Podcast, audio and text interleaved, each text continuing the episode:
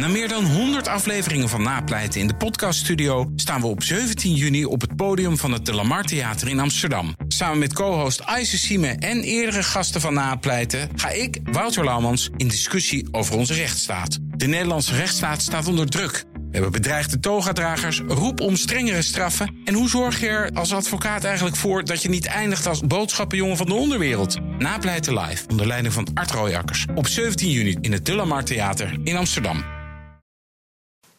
Van Bernard Hammelburg. Nee, het virus bijt nog niet in het stof, maar gelukkig zijn er hier en daar gunstige tekenen. En dus krijgt de discussie over het herstarten van de economie meer vaart. Dat is maar goed ook, want al die financiële reddingsplannen van Den Haag tot Madrid, tot Rome, tot Parijs zijn geen barmhartige donaties, maar met belastinggeld gefinancierde leningen. Whatever it takes, het door Nederland geleende motto uit de eurocrisis of vergelijkbare strijdkreten in Frankrijk, Duitsland, Italië, Spanje of waar dan ook, zijn coronasigaren uit eigen doos. Regeringen lenen miljarden, meestal in de vorm van obligaties. Rente is er nauwelijks, maar die leningen moeten wel worden afgelost en dat gaat met die wijd openstaande schatkist. Is niet van hun, in Den Haag of Madrid of Rome, maar van ons, de burgers, die alle tekorten gewoon zelf weer moeten aanzuiveren. Maatregelen zoals de noodregeling overbrugging werkgelegenheid hebben 17 miljoen schuldenaars.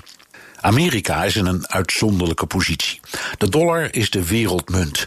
De exorbitante staatsschuld is in handen van landen als China, Japan en Saoedi-Arabië, die zichzelf in de tang houden. Als ze die Amerikaanse staatsschuld te koop zetten, stort het monetaire systeem in de hele wereld in elkaar en gaan ze dus zelf failliet.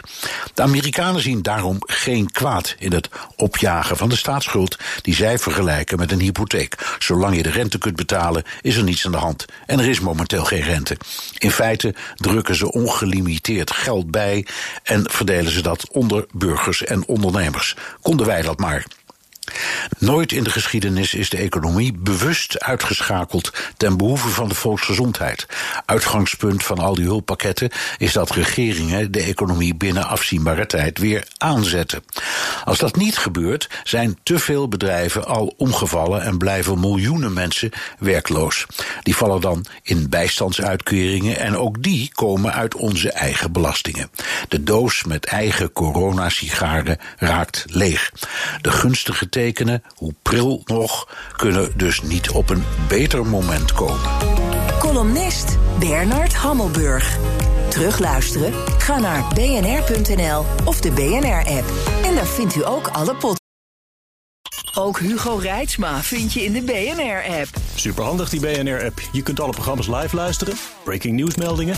Je blijft op de hoogte van het laatste zakelijke nieuws. En je vindt er alle BNR-podcasts, waaronder natuurlijk de belangrijkste, Boeken zijn in de wijk. Download nu de gratis BNR-app en blijf scherp.